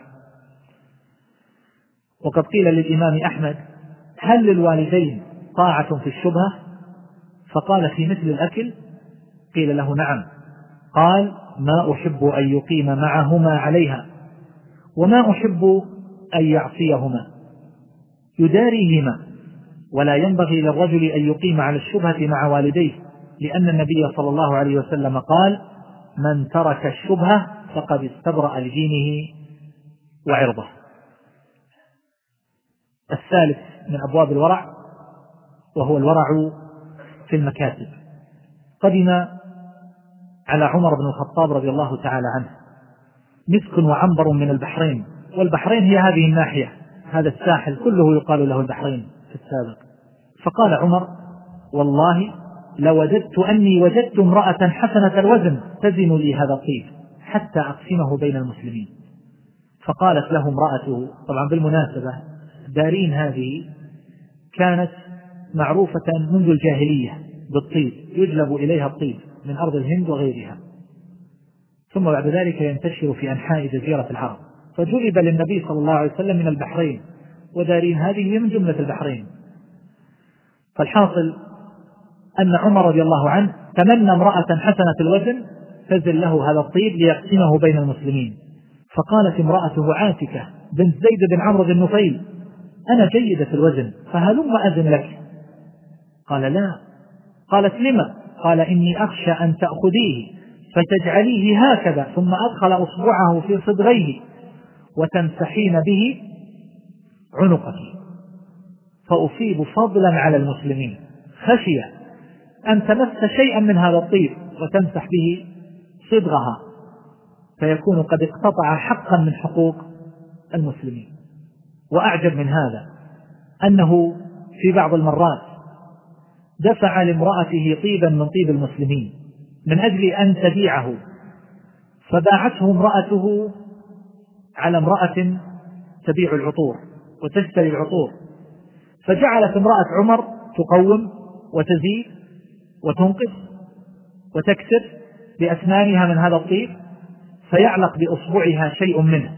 فقالت به هكذا. هذا الآن هي تصلح هذا الطيب وتبيع وتكسر لهذه من أجل أن تزن. فعلق شيء بأصبع زوجة عمر. فقالت به هكذا ومسحت على خمارها وهو غطاء الرأس. قالت فدخل عمر. فقال ما هذه الريح؟ لما رجعت إليه. قال ما هذه الرائحة؟ فأخبرته. فقال طيب المسلمين تأخذينه أنت فتطيبين به؟ قالت فانتزع الخمار من رأسها وأخذ جزءا من الماء. فجعل يصب الماء على الخمار ثم يدلكه في التراب ثم يشمه ثم يصب عليه الماء ثم يدلكه في التراب ثم يشمه ففعل ذلك ما شاء الله حتى ذهبت الرائحة. هذا عمر. فقالت العطارة المرأة اللي تشتري منها الطيب فأتيتها مرة أخرى فلما وزنت لي علق بأصبعها منه شيء فعمدت فأدخلت أصبعها في فيها. ثم مسحت بأصبعها التراب ما مسحت في خمارها. قالت فقلت ما هكذا صنعت أول مرة؟ قالت أو ما علمت ما لقيت منه. لقيت منه كذا وكذا وكذا. وقد أحسن من قال فمن يجاري أبا حفص وسيرته آمنا يحاول للفاروق تشبيها؟ إذا اشتهت زوجه الحلوى فقال لها من أين لي ثمن الحلوى فأشريها؟ ما زاد عن قوتنا فالمسلمون به أولى فقومي لبيت المال رديها. زوجة الخليفة تريد قطعة من الحلوى. يقول من أين لي ذلك؟ من أين لي ذلك؟ هذه أموال المسلمين وأنا خازن لها. ومر رجل يحمل حشيشا فتناول رجل منه طاقة أخذ منه قبضة شيئا يسيرا. فقال له عبد الله بن عمر لما رآه أرأيت لو أن أهل منى أخذوا من هذا طاقة طاقة. يعني كل واحد مر به أخذ منه قليلا. هل يبقى منه شيء؟ قال لا. قال فلم فعلت الرجل يرى أن ذلك من الشيء اليسير الذي لا قيمة له. فابن عمر يقول له لو أن أهل منى وهم كثير كل أحد أخذ منه هذا اليسير لما بقي منه شيء. فبأي حق أخذته؟ وهذا حماد بن زيد الإمام المعروف يقول كنت مع أبي فأخذت تبنة من حائط البيوت كانت من الطين ومعلوم أن بيوت الطين تصنع من اللبن. ويمسح على ذلك الطين المخلوط أعزكم الله ومن يسمع؟ بالتبن من أجل أن يتماسك الطين. فتجد جدار الطين ممسوح بالطين والتبن عالق به. يقول كنت مع أبي. فأخذت تبنة من حائط. فقال لي لما أخذت؟ قال قلت إنما هي تبنة قال لو أن الناس أخذوا تبنة تبنة كان بقي في الحائط تبن يعني حتى لو كان ذلك يسيرا. وكان عطاء سلمان الفارسي رضي الله عنه خمسة آلاف. وكان أميرا على زهاء ثلاثين ألفا من المسلمين. وكان يخطب الناس في عباءة يفترش بعضها ويلبس بعضها وهو الأمير. فإن خرج عطاؤه راتبه. أمضاه ويأكل من شغل يده. حتى الراتب ما كان يأكل شيئا منه. كان يأكل من صنعة يده من عمل يده. ومر عبادة بن الصامت بقرية يقال لها دمر. فأمر غلامه أن يقطع له سواكا على ضفاف نهر. عليه زروع للناس. فمضى هذا الغلام ليفعل ثم دعاه ثانية وقال له ارجع فإنه إلا يكن بثمن وهو رطب الآن يعني لا قيمة له فإنه ييبس فيعود حطبا بثمن فيبيعونه. وهذا المسور بن مخرمة رحمه الله احتكر طعاما كثيرا من أجل أن يبيعه في الشتاء. إذا قل الطعام فرأى سحابا في الخريف. معنى ذلك أن الشتاء قد يكون فيه شيء من الحنطة لأن الناس يزرعون على المطر عادة. فلما رأى سحابا في الخريف ضاق صدره وكره ذلك لأن هذا سيفسد عليه هذه الصفقة. ثم نظر في حاله وفي نفسه ثم قال لا أراني قد كرهت ما ينفع المسلمين. من جاءني أوليته كما أخذته. يقول من جاء إلي أبيعه برأس المال. فبلغ ذلك عمر بن الخطاب. فقال من لي بالمسور؟ فجاء المسور إلى عمر فقال يا أمير المؤمنين إني احتكرت طعاما كثيرا فرأيت سحابا قد نشأ فكرهتها فتأليت يعني حلفت ألا أربح فيها شيئا. فقال عمر جزاك الله خيرا. وكان المسور لا يشرب من الماء الذي يستقى في المسجد ويرى أنه من قبيل الصدقة فكان يتورع عن الصدقة لأنه غني. إلى هذا الحد مع أنه يجوز له أن يشرب منه وهو ماء مبذول للجميع لكن من كان في منزلة المسور بالمخرمة فلا يشرب ومن كان يقع في الحرام جهارا فعليه فهذا الورع لا يليق به ولا يصلح لمثله فهو ورع بارد ان صدر منه. وكان محمد بن سيرين يكره أن يشتري بالدراهم أو الدنانير التي أحدثت وقد كتب عليها اسم الله تعالى. يكره ذلك تعظيما وتنزيها لله لئلا يمتهن اسمه. وهذا ابن عون كان في غاية الورع حتى إنه كان يتورع من تأجير بيته للمسلمين. ولما سئل عن ذلك قال أخشى أن أروعهم. إذا جئت لأخذ الأجرة. أخشى أن أروعهم. ويقول الذهبي رحمه الله عن يزيد بن زريع المتوفى سنة اثنتين وثمانين ومائة كان أورع أهل زمانه. مات أبوه وكان واليا على الأبلة فخلف خمسمائة ألف فما أخذ منها حبة. وكذلك البربهاري رحمه الله صاحب كتاب شرح السنة فإنه تورع عن مال أبيه وكان سبعون ألفا. ويقول يونس بن عبيد ما السارق عندي بأسوأ سرقة من التاجر يشتري المتاع إلى أجل ثم يضرب فيه إلى البلدان. لا يكتسب درهما بعد الأجل إلا كان حراما. ما معنى هذا الكلام؟ هذا التاجر اشترى هذه البضاعة على أن يوفي في مدة شهر ثم جعل يسافر في هذه البضاعة ويبيعها في البلدان. وزادت المدة على الشهر فيرى أن كسبه بعد الشهر حرام لأنه لم يوفي صاحبه قيمته وقد اشترط عليه شهرا. وقل مثل ذلك في من يأخذ من الناس أموالهم من أجل أن يشغلها لهم. ثم بعد ذلك تنقضي مدة العقد ولا تزال هذه الأموال بيده والناس يطالبونه بأموالهم وهو يتصرف فيها. فهو لا يكتسب درهما واحدا بعد تمام مدة العقد إلا كان سحتا حراما في حقه. وأين هذا أيها الإخوان ممن يقترض من الناس لمدة معينة لمدة شهر أو سنة. ثم تنتهي هذه المدة ويتعمد التأخير من أجل أن ينمي هذه الأموال ويكتسب من أموال الناس. أين هذا من هذا؟ يقول شعيب بن حرب رحمه الله لا تحقرن فلسا تطيع الله في كسبه. ليس الفلس يراد إنما الطاعة سواد حتى أن تشتري به بقلا فلا يستقر في جوفك حتى يغفر لك. لا تتهاون في هذه الأمور.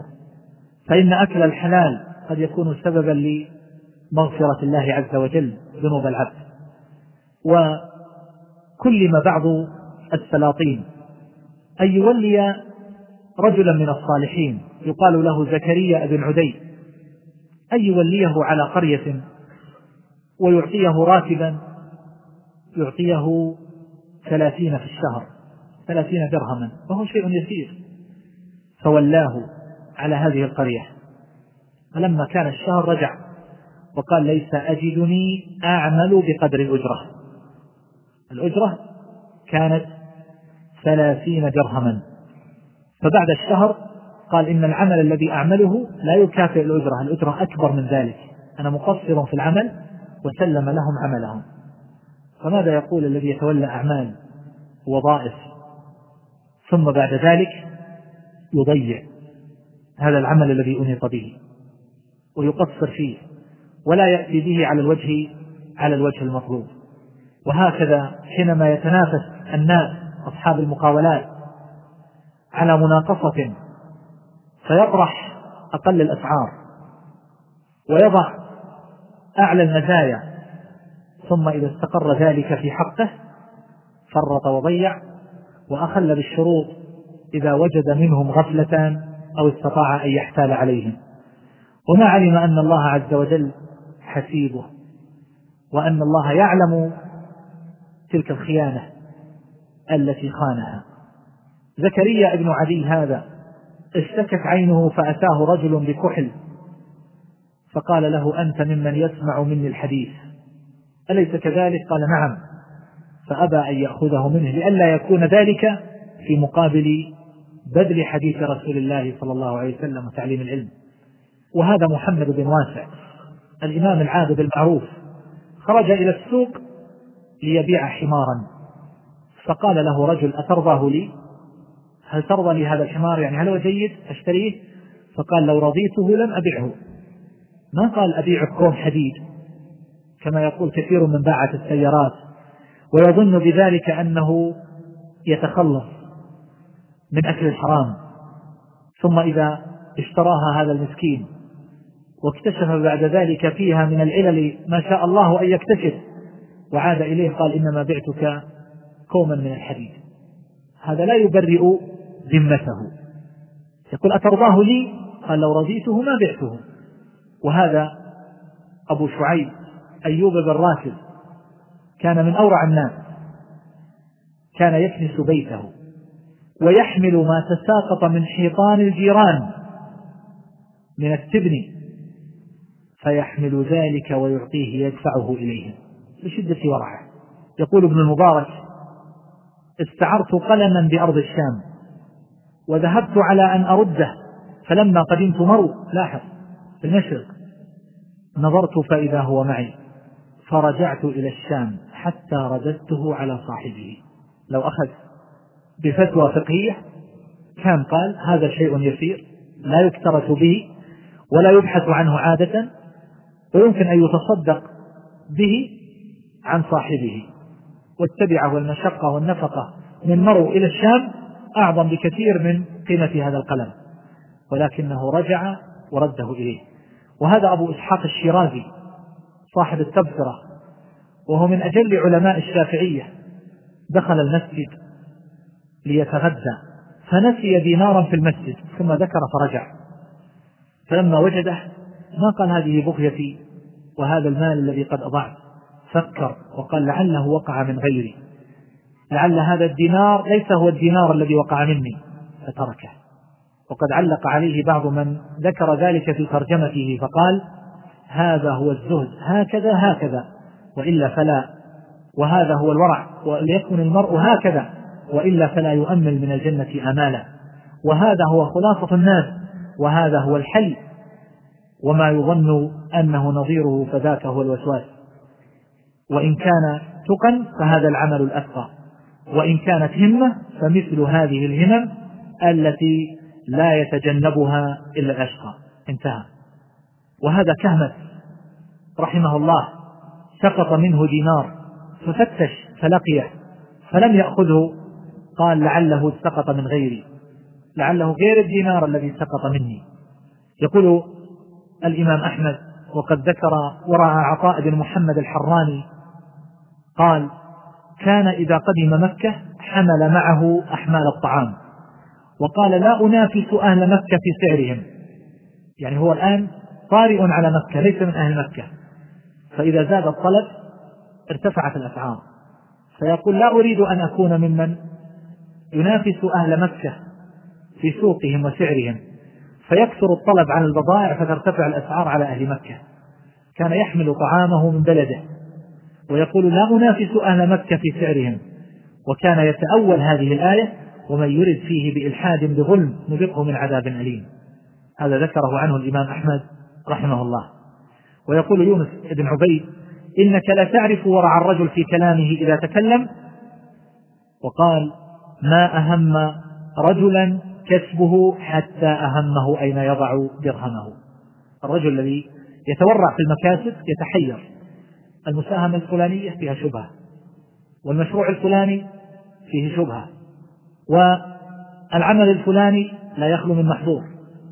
وفتح الحلاق سيحلق الناس فيه لحاهم ويحلقون القصات المحرمة. وفتح الخياط تخيط به النساء بعض ما لا ينبغي من اللباس. وبعض المضاربات والمساهمات فيها أجزاء من الربا أو القمار. والشقق المفروشة قد تستغل في أمور لا تليق. وهكذا فيبحث عن شيء يضع فيه درهمه ليتجر فيتحير.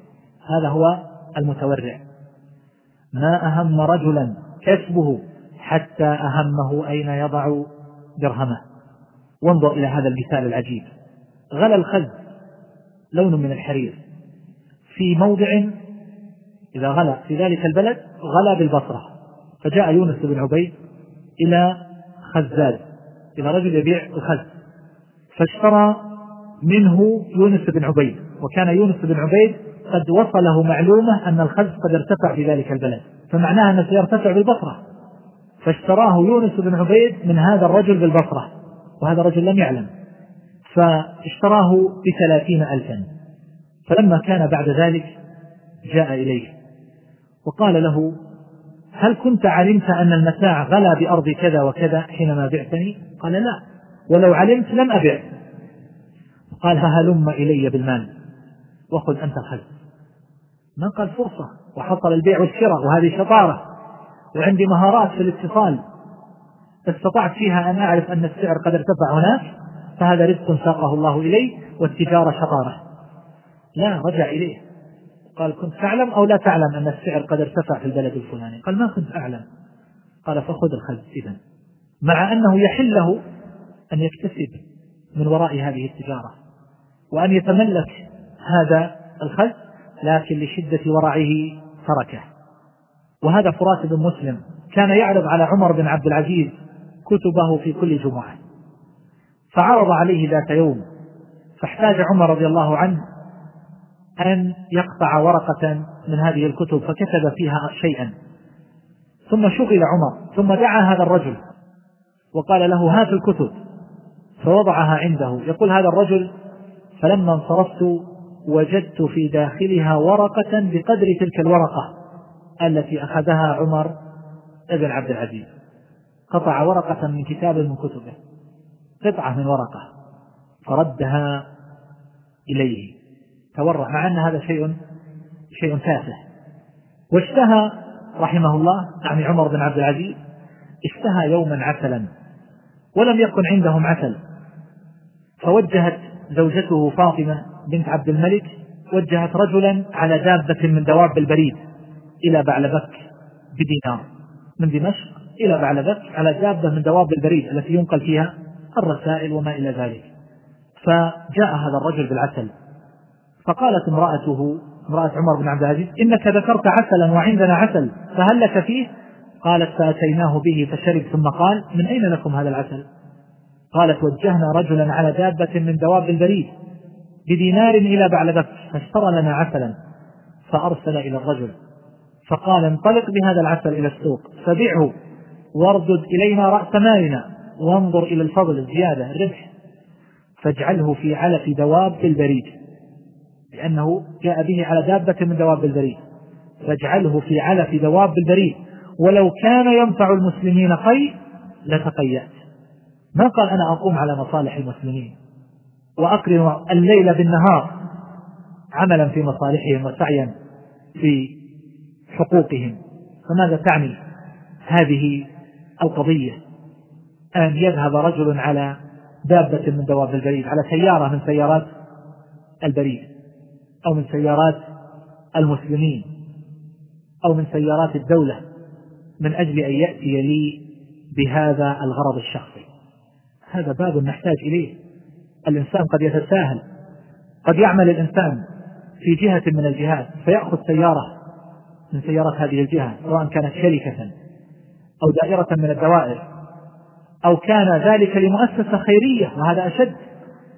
ثم يذهب في مشاويره الخاصة يوصل أبنائه يخرج فيها للنزهة. بل ربما أخذ بعضهم سيارة في يومين أو ثلاثة وجاء وقد مشى فيها مئات الكيلومترات في أمور خاصة. فهذا أمر لا يليق. وهو مناف تمام المنافاة للورع. هذه أموال المسلمين. وهكذا إذا أراد أن يسافر في هذه المؤسسة الخيرية إذا كان مثله لا يركب إلا الدرجة السياحية في الطائرة. فلماذا إذا ذهب على حساب هذه الجمعية الخيرية يأخذ تذاكر على الدرجة الأولى؟ لماذا؟ أين الورع؟ الورع يقتضي أن يسافر كما كان يسافر إذا دفع من جيبه أما إذا سافر في أموال المسلمين وفي التبرعات ذهب في الدرجة الأولى وإذا سافر على حسابه ذهب في الدرجة السياحية أو في النقل الجماعي فهذا أمر لا يحسن يقول مسلمة بن عبد الملك دخلت على عمر بن عبد العزيز بعد الفجر في بيت كان يخلو فيه فلا يدخل عليه أحد فجاءته جارية بطبق عليه تمر صيحاني وكان يعجبه التمر. فرفع بكفه منه فقال يا مسلمة أترى لو أن رجلا أكل هذا ثم شرب عليه من الماء أكان يجزيه إلى الليل؟ يقول قلت لا أدري. قال فرفع أكثر منه فقال هذا؟ قلت نعم يا أمير المؤمنين كان كافيه دون هذا حتى لا يبالي ألا يذوق طعاما غيره. فقال فعلام يدخل النار. يقول مسلمة فما وقعت مني موعظة. ما وقعت هذا يقول إذا كان الإنسان يكفيه كف من تمر ويسد جوعه ويغنيه فما حاجته إلى دخول النار؟ لماذا يتهافت على الحطام الكثير من الحلال والحرام والمشتبهات؟ لماذا يتهافت على ذلك؟ مع أنه يكفيه هذا القليل. بل من الأبواب الدقيقة أيها الإخوة والأخوات. من الأمور الدقيقة في الورع في المكاسب ما ذكره ابن القيم رحمه الله في بدائع الفوائد. وهي فائدة لطيفة حسنة. يقول صحة الرأي باعتدال المزاج. صحة الرأي باعتدال المزاج. يعني لا يكون الإنسان في فرح شديد ولا في غم وحزن شديد ولا في خوف شديد وإنما يكون معتدل الطبع فيكون رأيه صوابا في الغالب. أما إذا كان في شدة الخوف أو في شدة الجوع أو في شدة الفرح فإنه قد يصدر عنه كلاما لم يضبطه ويندم على التفوه به. ولهذا نهى النبي صلى الله عليه وسلم أن يقضي القاضي وهو غضبان ويقاس على ذلك إذا كان حاقنا أو حاقبا أو كان في شدة الجوع لأن صحة الرأي باعتدال المزاج. يقول ابن القيم من دقيق الورع أن لا يقبل المبذول حال هيجان الطبع من حزن أو سرور فذلك كبذل السكران ومعلوم أن الرأي لا يتحقق إلا مع اعتدال المزاج. ومتى بذل باذل في تلك الحال؟ يعقبه ندم ومن هنا لا يقضي القاضي وهو غضبان وإذا أردت اختبار ذلك فاختبر نفسك في كل مواردك من الخير والشر فالبدار بالانتقام حال الغضب. يعقب ندما وطالما ندم المسرور على مجازفته في العطاء وود أن لو كان اقتصر. وقد ندم الحسن على تمثيله بابن ملجم. يعني الحسن من شدة الغضب ومن شدة الحزن لما قتل ابن ملجم عليا رضي الله عنه أخذه الحسن بن علي رضي الله عنه فمثل به. فندم بعد ذلك. فالمقصود أن الإنسان في حال الفرح الشديد قد يعطي العطايا والهبات الجزلة وهو في غمرة الفرح. فهو كالسكران فابن القيم يقول الورع أن لا يؤخذ منه في هذه الحال دعه حتى يرجع إلى حاله وطبيعته. ثم ما زال يقول له هل الآن تعطيني؟ فيقول لا الآن غيرت غيرت رأيي في ذلك. والحمد لله أنك ما أخذتها لأنه كان في سكرة. فأقول أيها الإخوان الورع في المكاسب. أمر تشتد الحاجة إليه في عصرنا هذا. المساهمات التي تطرح ويكثر سؤال الناس عنها وكثير لا يسألون ويكون فيها ألوان من المحرمات من قمار وربا وما إلى ذلك. هذه ينبغي للناس أن يتورعوا عنها. وبعض الناس يصر هل هي حرام أم حلال. وتحاول صرفهم أن يشتغلوا بأمر لا شبهة فيه. ومع ذلك لا يريدون ترك إلا المحرم الصرف. وأما المشتبه فلا يريدون الورع منه. وهكذا تأجير المحلات والشقق والدكاكين والمتاجر على من يقومون بأعمال محرمة كالبنوك وتأجير المساحة أو الأرض على صرافة البنك الربوي. وكذلك أيضا تأجير ذلك على الحلاق أو من يبيع الأغاني أو الأفلام المحرمة أو غير ذلك كل هذا لا يجوز. وقبل أن أجاوز هذه النقطة أعرض نماذج من فتاوى الإمام أحمد رحمه الله وهو من هو في الفقه والعلم والورع. في سؤالات وجهت إليه فأجاب عنها بأجوبة يستغربها أهل زماننا. سأله المرودي ما تقول في طيرة أنثى؟ طائر حمامة مثلا. جاءت إلى قوم فأزوجت عندهم وفرخت لمن الفرخ قال يتبعون الأم. الفراخ تتبع الأم.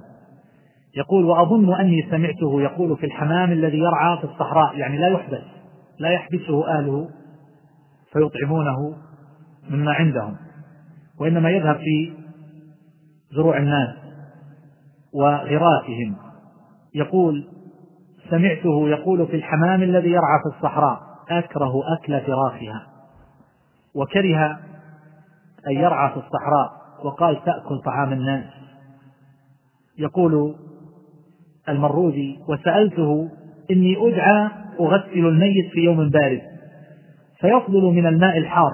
كانوا يسخنونه. يسخنونه بأجرة. أو يشترون الحطب من أجل تسخين الماء. فيقول فيفضل من الماء الحار. ترى أن أتوضأ منه شتاء مغسل هو الميت. وهذا ماؤهم. ترى أن أتوضأ منه؟ قال لا. ذاك قد أسخن بكلفة. يعني كأنه ذهب إلى أمر الورثة. يعني من هذا؟ من حق الورثة.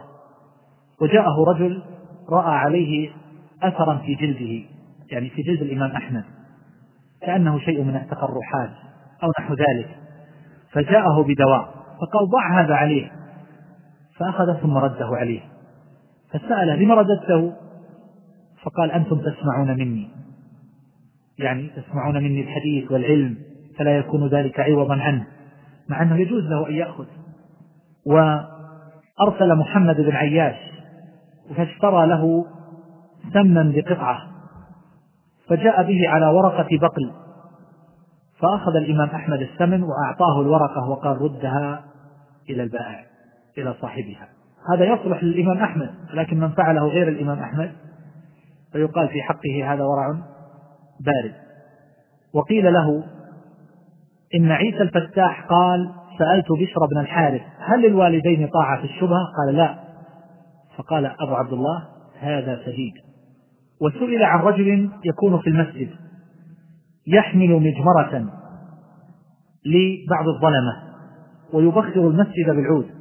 فقال ينبغي أن يخرج من المسجد فإنه لا ينتفع من العود إلا برائحته. وسئل عمن سقطت منه ورقة فيها أحاديث فهل لمن وجدها أن يكتب منها ثم يردها؟ قال لا حتى يستأذن صاحب الورقة. أنت وجدت دفتر زميلك في المدرسة أو الأخت في التحفير وجدت دفتر زميلتها في هذه الدورة مثلا أو في غيرها فهل لها أن تكتب وتنقل منها من غير استئذان؟ الجواب لا حتى تستأذن. مع أن تلك لا تتضرر بهذا العمل.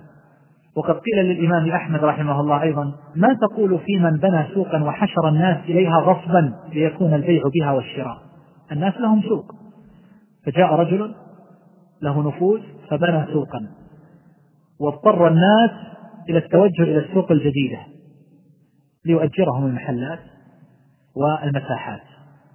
فسئل الإمام أحمد ترى أن يشترى منها؟ فقال هل تجد موضعا غيره؟ يعني وجدت لا تشتري منها. وكره الشراء منها. فقيل له من اشترى منها وجاء به؟ هل نشتري منه؟ هل نشتري ممن اشترى منها؟ فقال إذا كان بينك وبينهم رجل فهو أسهل. وقيل له إن قوما يتوقدون أن يوقد بحسي الجواميس عزكم الله من يسمع بروث الجواميس فقال نعم. يقال إن أصلها ليس بصحيح. يعني أن الجواميس في تلك الناحية بطرسوس كانت لبني أمية.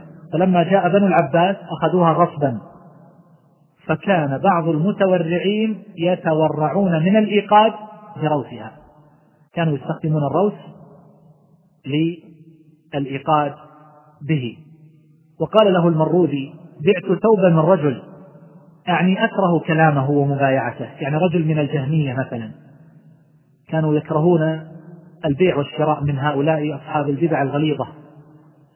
بعت ثوبا من رجل أكره مبايعته. فقال دع حتى أنظر فيها. فلما كان بعد سألته قال توقع أن تبيعه. قلت فإني بعته وأنا لا أعلم. قال إن قدرت أن تسترد البيع فافعل.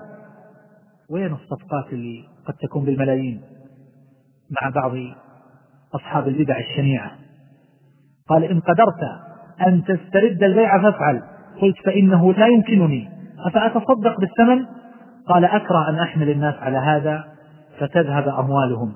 قلت فكيف أصنع؟ قال ما أدري. أكره أن أتكلم فيها بشيء. ولكن أقل ما ها هنا أن تتصدق بالربح وتتوقع مبايعتهم في المستقبل. هذا في مثل الجهمية. وقيل له اختلف يوسف بن أسباط والثوري في رجل خلف متاعه عند غلامه فباع ثوبه ممن يكره مبايعته. قال الثوري يخرج قيمته. وقال ابن المبارك يتصدق بالربح فقال الرجل ما أجد قلبي يسكن إلا أن أتصدق بالكيس. وكان قد ألقى الدراهم في الكيس التي كانت قيمة الثوب. فقال أحمد بارك الله فيه. وقيل له قيل للإمام أحمد رجل له والدة مريضة وكان أبوه قد اشترى طوابيق من مكان يكره يعني من مكان فيه غصب. طوابيق يعني بلاط. فبلط فناء الدار بهذا البلاط الذي اشتري من ناحية مغصوبة وقد فرش بها الدار. ترى للابن أن يدخل إلى أمه قال لا كيف يدخل؟ أليس يريد أن يطأها؟ يطأ هذه البلاط والطوابيق وقال الإمام أحمد في المال المشتبه حلاله بحرامة. إن كان المال كثيرا أخرج منه قدر الحرام وتصرف في الباقي. وإن كان المال قليلا اجتنبه كله. وهذا كما قال الزهري لا بأس أن يأكل منه ما لا يعرف أنه حرام بعينه. وأما سفيان الثوري فكان يرى أن تركه أفضل. وكان الثوري رحمه الله يقول في الرجل يجد في بيته الأفلس أو الدراهم يقول أحب إلي أن يتنزه عنها إذا لم يدري من أين هي في بيته. ولا يدري ممن سقطت يقول أحب إلي أن يتنزه عنها. وقيل للإمام أحمد بئر احتفرت. وقد أوصى هذا المغني أو المخنث أن يعان فيها. ترى الشرب منها؟ قال لا كسبه خبيث يكسبه بالطبل. وقد مضى ذلك. وقال مرة هؤلاء الذين يجلسون على الطريق يبيعون ويشترون ما ينبغي لنا أن نشتري منهم. لأنهم جلسوا في مكان لا يحل لهم البيع والشراء فيه. لم يعد بذلك الطريق ممر. وهؤلاء يضيقون على الناس. فكان الإمام أحمد يرى أن لا يشترى أن لا يشترى منهم. وبالتالي تكون مكاسب هؤلاء الذين يبيعون بطرق الناس تكون فيها شائبة. وسئل عن رجل أخذ من الطريق شيئا. هل يكون مقبول الشهادة؟ قال ما هذا بعدل. انظر إلى حالنا الآن. الدرج يأخذ نصف الرصيف. بأي حق يضيق طريق المسلمين؟ وأحيانا تجد الجدار زائد على وأحيانا يضع مظلة السيارة على الرصيف فتحتل الرصيف أجمع. بأي حق يفعل ذلك. وسئل عن الصلاة في مسجد بني على ساباط يعني التقيسة بين دارين. بني عليها مسجد يعني أن الطريق تحتها فالهواء للطريق. فقال لا هذا طريق المسلمين لا يصلى فيه. ويقول كان جعفر بن محمد بن علي نهى أن يصلى في هذه المساجد التي في الطرق. يعني لو أن أحدا بنى مسجدا أو مصلى في وسط الطريق. يقول لا يصلى فيه. لأنه بناه في غير الموضع الذي ينبغي أن يبنى به بناه في طريق المسلمين فضيق ذلك عليهم. وكان ابن مسعود يكره أن يصلى في المسجد الذي بني على القنطرة. يقول الإمام أحمد خرجت البارحة لأصلي فانتهيت إلى مسجد فإذا هو في الطريق. فرجعت إلى البيت فصليت وحدي. وقال عن المساجد التي في الطريق إن حكمها أن تهدم. وقال المساجد أعظم حرمة وسئل عن بواري المسجد الحصر والسجاد سجاد المسجد. ترى أن يقعد عليها خارج المسجد لجنازة مثلا؟ فقال لا يقعد عليها خارج المسجد لأنها وقف للمسجد. انظر إلى حالنا في المسجد الحرام والصراع مع العمال الذين يفرشون. تجد كل إنسان أو كثير من الناس يأخذ فرشا من هذا الفرش. ويضعه لنفسه في آخر المسجد وفادة وفراشا ومتكئا والناس لا يجدون مكانا يصلون فيه فهذا لا يخلو من حرج. وقد جاء الإمام أحمد أيضا يعزي رجلا وبارية على الباب يعني حصير من حصر المسجد على الباب فلم يقعد مع الناس وقعد على التراب. لما قبض عم موسى بن عبد الرحمن بن مهدي أغمي على عبد الرحمن بن مهدي. فلما أفاق قال البساط محوه يعني كأنه صار للورثة. وسئل الإمام أحمد عن الذي يتعامل بالربا هل يؤكل عنده؟ فقال لا وقد روي ذلك عن ابن مسعود. وسئل عن الرجل له والدان يسألانه أن يأكل معهما من مال شبهة فقال يداريهما. فقيل له فإن لم يقبل ذلك؟ فقال ما أحب أن يعصيهما لكن عليه بالمداراة. وأدخل عليه رجل حطاب. فقال لي إخوة وكسبهم من الشبهة. فربما طبخت أمنا وتسألنا أن نجتمع ونأكل معا. فقال الإمام أحمد على سبيل التواضع هذا موضع بشر يعني موضع بشر الحافي. يقول أنا لست بأهل أن أتكلم في هذه الدقائق. هذا موضع بشر لو كان حيا كان موضعا أن تسأله. أسأل الله ألا يمقتنا ولكن تأتي أبا الحسن يعني عبد الوهاب فتسأله فقال له الرجل فتخبرني عما في العلم أخبرني عن الفتية الفقهية. فقال قد روي عن الحسن إذا استأذن والدته في الجهاد فأذنت له وعلم أن هواها في المقام فليقم لا يخرج للجهاد ما لم يكن فرض عين لأن هنا بين له عظم أمر الوالدة وطاعتها ولم يجبه عن المسألة بعينها. وسئل عن الدراهم تدفع إلى رجل يشتري بها الحاجة فيرى المسكين في الطريق ويتبرع يتصدق من هذه الدراهم التي ليست له على أنه يملك في بيته مثلها فيريد أن يتبرع بذلك. ثم يعوض من ماله فقال لا يعطي الناس منها لا ينبغي له أن يفعل. وهذا يقال في الذين يأخذون التبرعات سواء كانوا مؤسسات أو أفراد لا يجوز لهم أن يضعوها في مساهمات فتضيع. ولا يجوز لهم أن يتصرفوا فيها هنا وهناك فيضيعون شيئا منها بغير الوجه الذي جمعت له. جمعت إفطار صائم إفطار صائم. ما تصرف في شيء آخر. جمعت في بناء مسجد هي في بناء مسجد. ما تصرف كفالة للأيتام. جمعت في كفالة الأيتام. ما تصرف في شيء آخر. وهكذا. فهذا أمر يجب وهو من مقتضيات الورع. وسئل عن رجل يكتب في المسجد بأجرة فقال أما الخياط وأشباهه فما يعجبني يعني أن يجلس في المسجد يخيط بأجرة إنما بني المسجد ليذكر اسم الله فيه وكره البيع والشراء فيه. ونقل عن عطاء ابن يسار أنه رأى رجلا يبيع في المسجد فدعاه فقال هذه سوق الآخرة فإن أردت البيع فاخرج إلى سوق الدنيا. وهذا أبسط ما نراه اليوم أحيانا من يبيع المساويك. يجلس في فناء المسجد وفناء المسجد منه. لا يجوز البيع والشراء فيه ولا يجوز لأحد أن يشتري منه. وذكر أيضا عن أبي الدرداء أنه رأى رجلا يقول لصاحبه في المسجد اشتريت وسط حطب بكذا وكذا. فقال أبو الدرداء إن المساجد لا تعمر بهذا. وأخيرا قيل له قيل للإمام أحمد فترى للرجل أن يعمل المغازل ويأتي المقابر فربما أصابه المطر فيدخل في بعض القباب قبة على قبر فيعمل فيها. فقال المقابر إنما هي من أمر الآخرة. كره ذلك أن ينتفع بهذه القبة. مع أن بناء القباب على المساجد من الأمور المحرمة الشنيعة وهو من ذرائع الشرك. هذه فتاوى للإمام أحمد رحمه الله في أبواب الورع وبقي في الموضوع بقايا سأذكرها إن شاء الله في مجلس واحد. صلى الله أن ينفعنا وإياكم ما سمعنا. اجعلنا وإياكم هداة مهتدين. صلى الله على محمد وعلى آله وصحبه.